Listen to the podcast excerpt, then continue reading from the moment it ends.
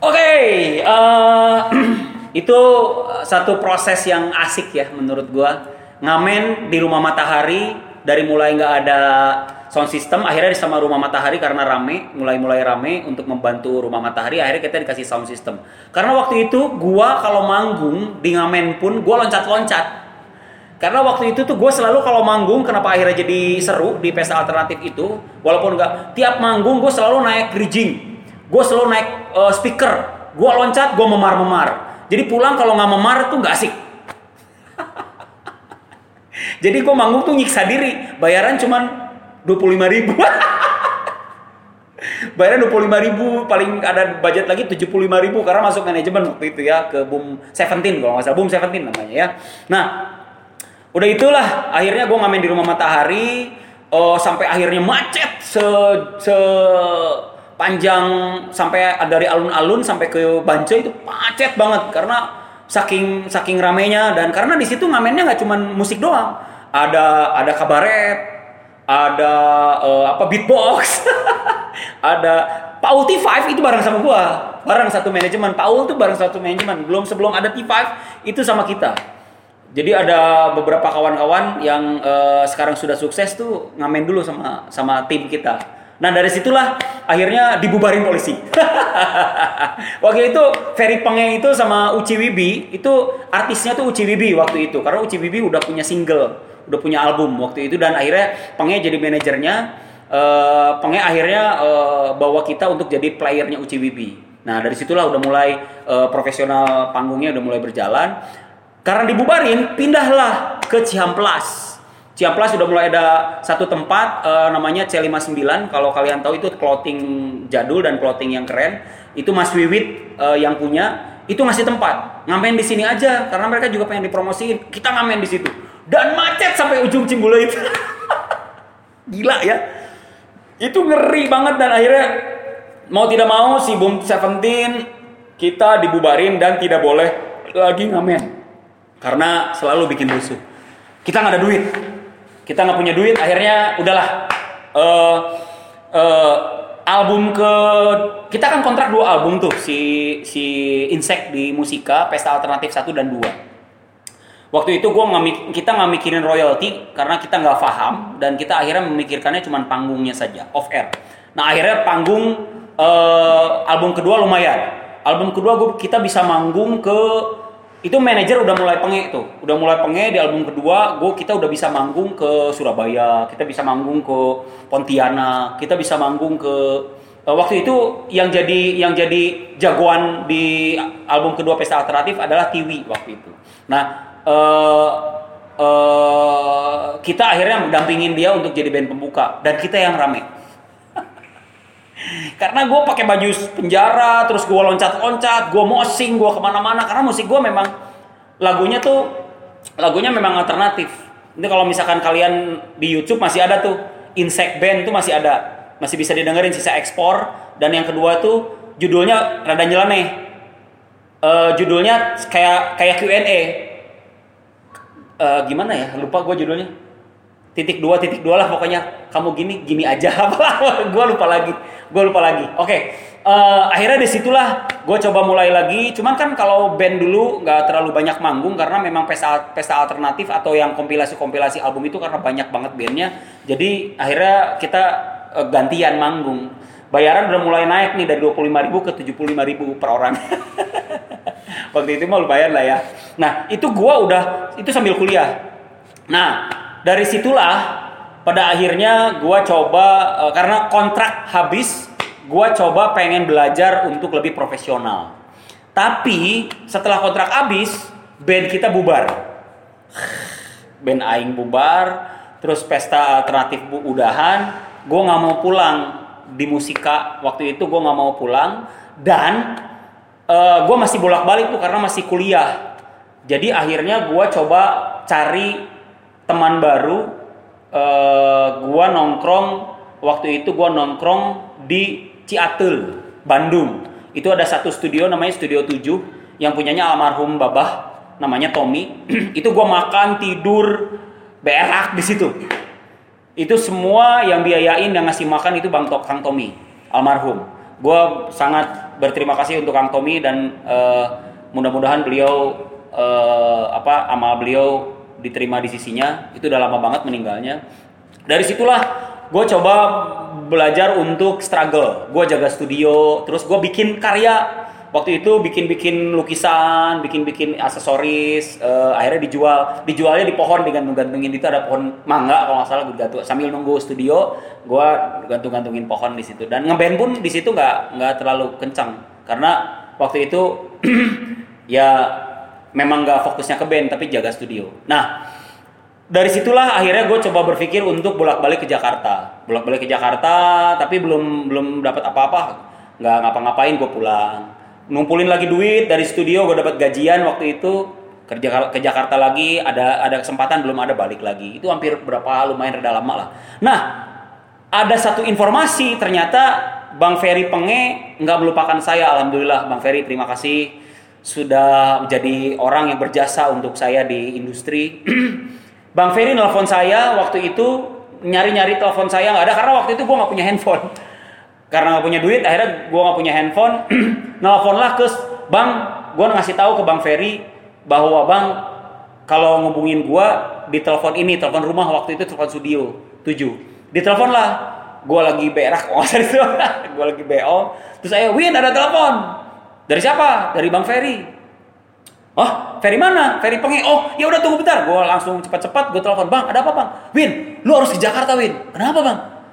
Ada audisi Lu audisi apa? Si Ronald Gigi bikin band namanya Dr. PM. Nah, itu Dr. PM itu adalah artisnya Warner.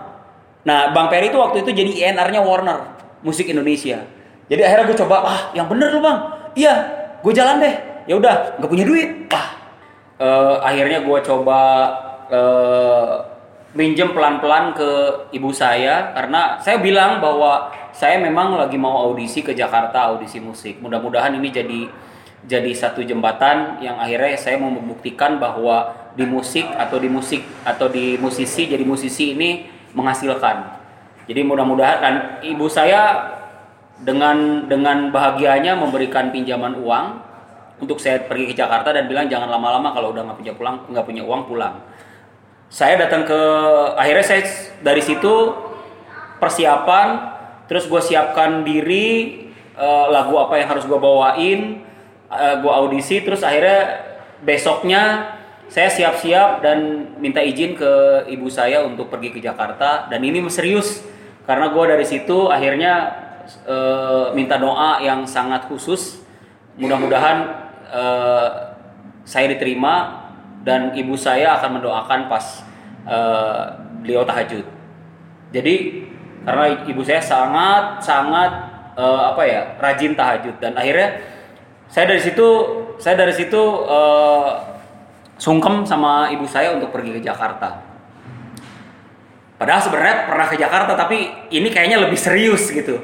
Sebelumnya kan ke Jakarta juga, tapi ini lebih serius dan dan saya harus minta doa dari ibu saya sendiri. Karena saya akan berhadapan dengan orang-orang profesional dan gua orang yang belum punya pengalaman sama sekali di bidang industri mainstream. Musik uh, salah satunya. Ya, akhirnya gue coba uh, memberanikan diri untuk pergi ke Jakarta. Waktu itu uh, uangnya juga pas-pasan.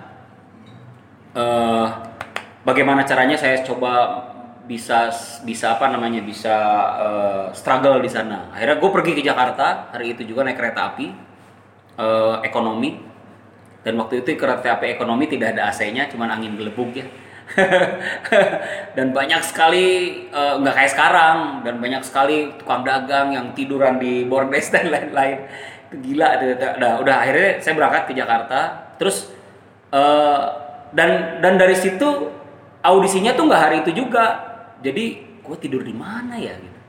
Karena gue punya rumah waktu itu di Musika akhirnya gue datang nggak tahu jamnya gue lupa lagi jam berapa gue datang ke sana. Tapi kalau nggak salah udah sore deh. Terus akhirnya gue kalau gue ikut tidur dulu tuh di di di apa di musika. Waktu itu gue minta izin tidur di musola musika. Jadi karena besoknya mau audisi.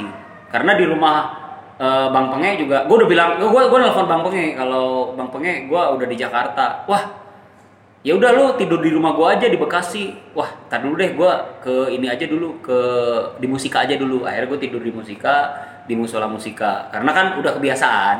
Nah gua kalau diceritain ini agak-agak agak-agak emosional. Karena gua udah kebiasaan waktu zaman eh, pesta alternatif juga gue tidur di musola musika dan membersihkan musola waktu itu.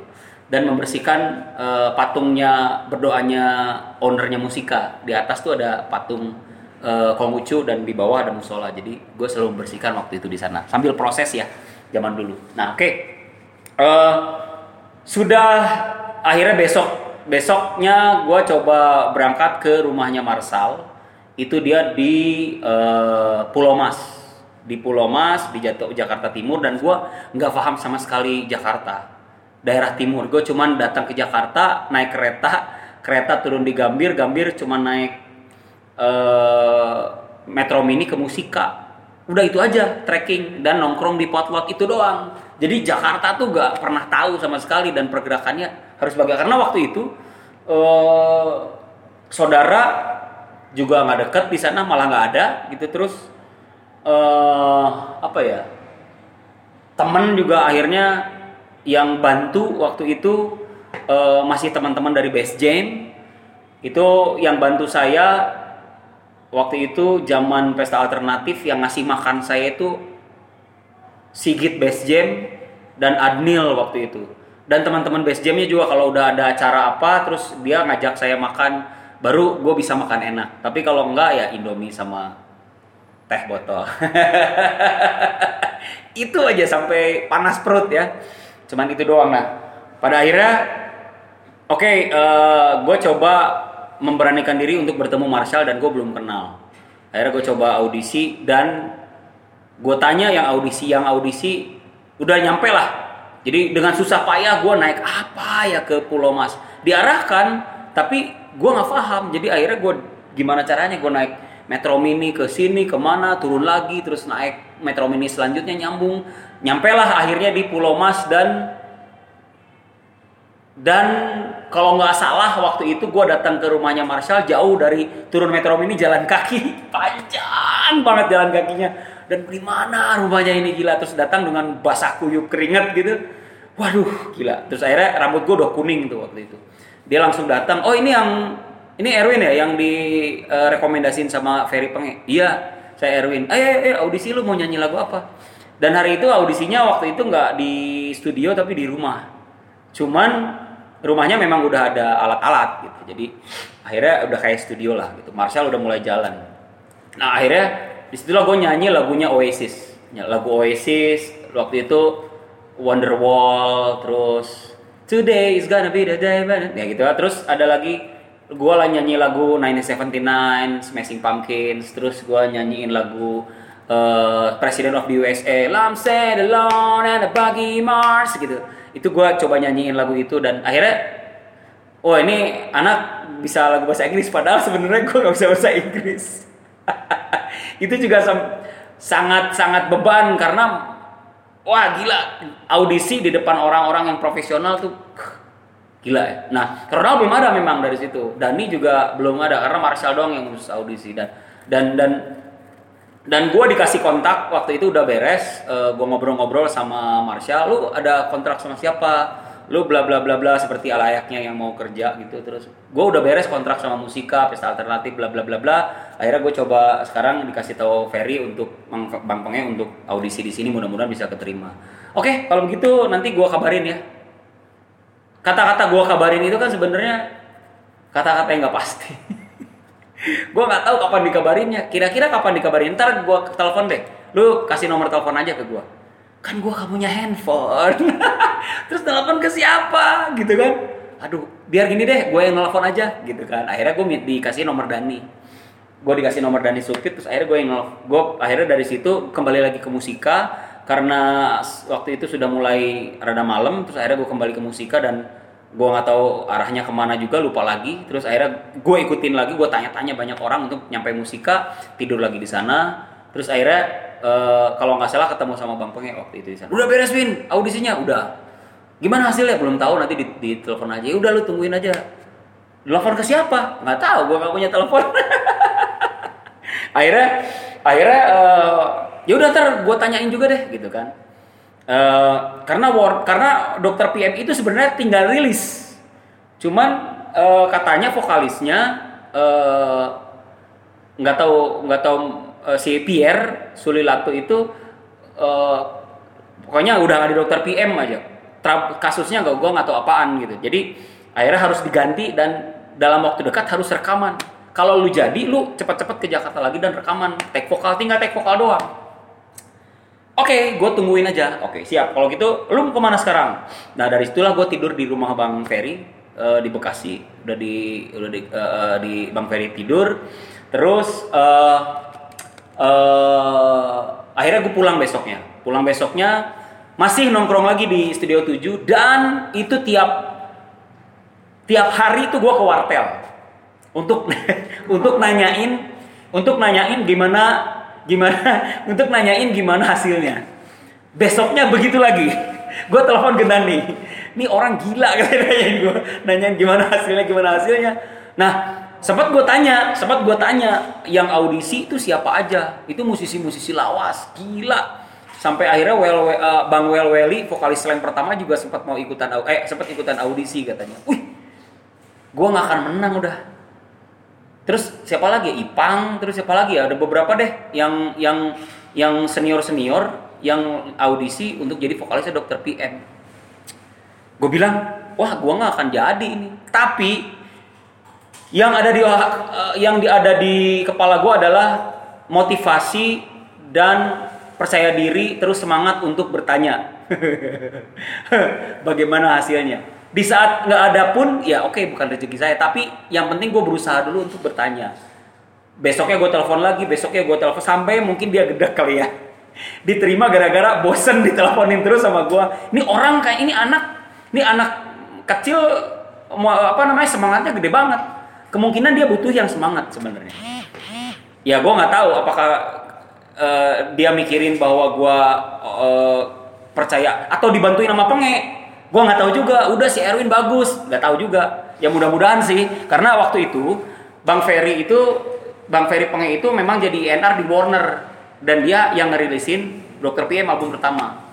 Kalau nggak salah ya, bener nggak ya? Bener apa? Lupa lagi gua. Pak Mas Imam Sasoro Satomo atau Ferry Penge, gue nggak tahu deh. Ferry Penge kalau nggak salah masih get, waktu itu getah.